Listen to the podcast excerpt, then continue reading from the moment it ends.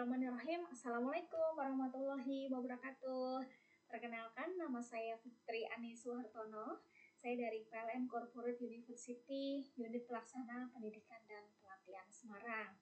Nah, di podcast saya kali ini akan sharing terkait dengan pembelajaran public speaking. Nanti diharapkan teman-teman semua mampu menjadi juru bicara sesuai dengan pedoman pelaksanaan komunikasi perusahaan, dan juga standar kompetensi profesi humas nasional yang telah ditetapkan oleh BNST.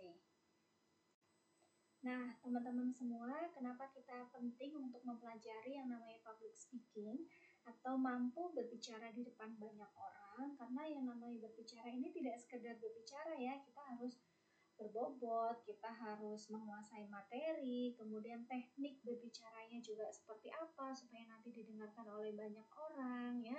Karena seseorang boleh saja mempunyai gagasan yang paling hebat di dunia, tapi jika orang itu tidak dapat meyakinkan orang lain, maka gagasan itu tidak ada artinya.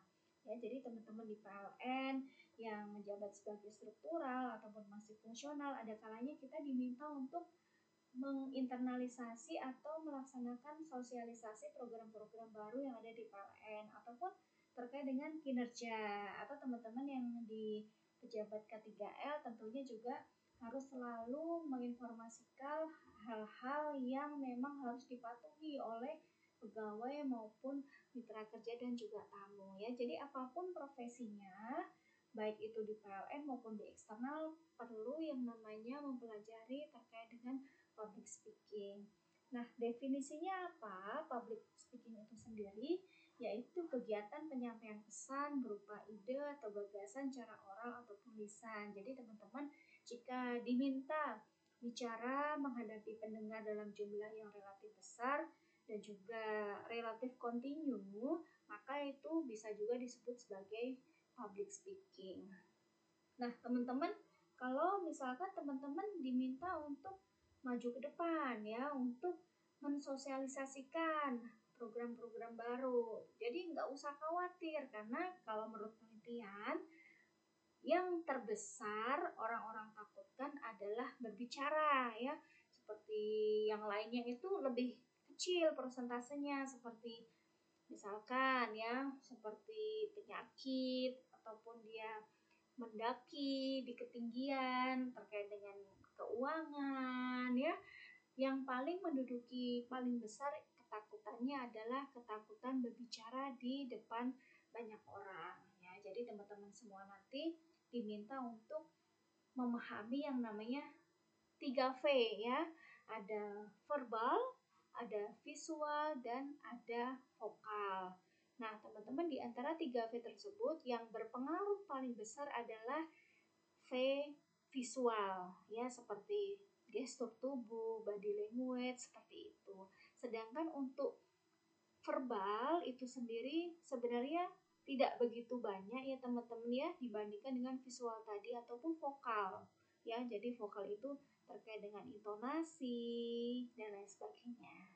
Begitu. Nah, masalahnya apa, teman-teman semua?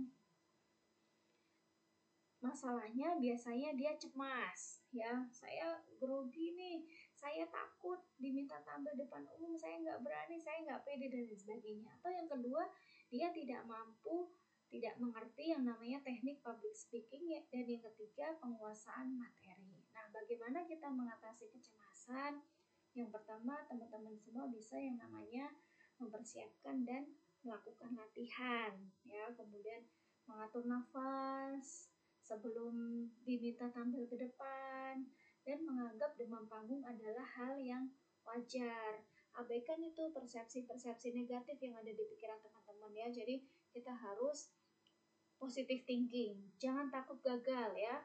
Kemudian penampilan juga harus maksimal, sesuaikan dengan tema. Misalkan temanya memang mengharuskan kita berbusana casual ya, kita mengikuti begitu. Dan kalaupun kita sudah pernah tampil di depan umum, nah kita ingat-ingat tuh kita sudah pernah melakukan, kita ingat-ingat bahwa kita sudah sukses, kita mampu sebelumnya, maka jika kita diminta untuk tampil di, depan lagi, kenapa kita tidak bisa? Begitu. Nah, Kemudian terkait dengan teknik public speaking, teman-teman ya, itu ada beberapa yang mempengaruhi. Di antara yang pertama intonasi.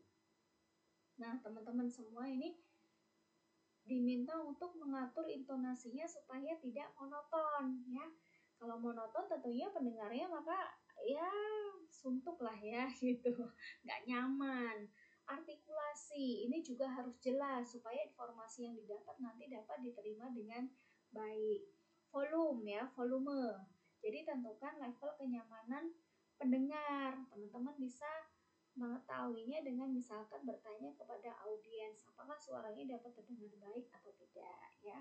Kemudian kecepatan, apakah kita pada saat menyampaikan di depan itu terlalu cepat bicara kita ataupun terlalu lambat ya.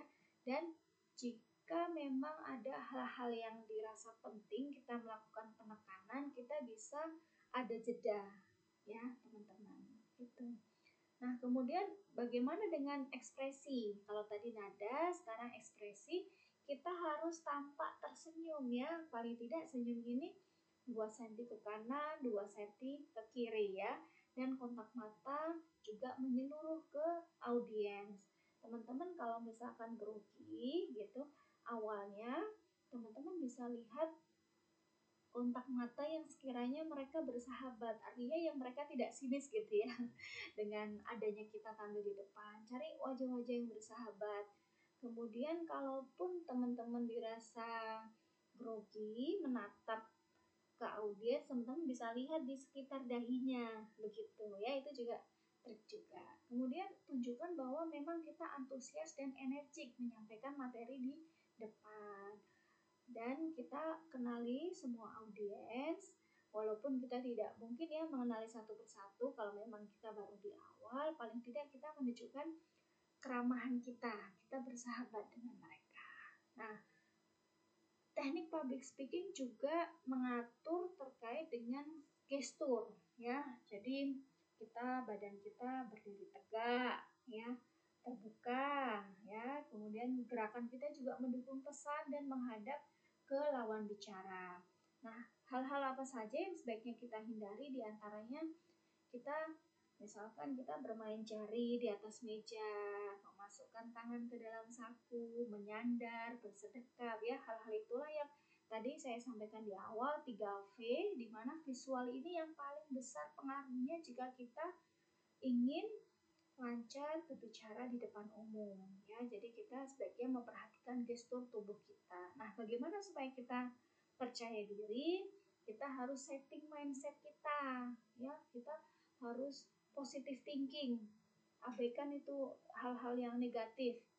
Kemudian lakukan kegiatan rileks. Kita berkaca di depan kaca ya kita coba tersenyum ke diri sendiri itu juga hal-hal yang bisa merilekskan kita sebelum tampil di depan.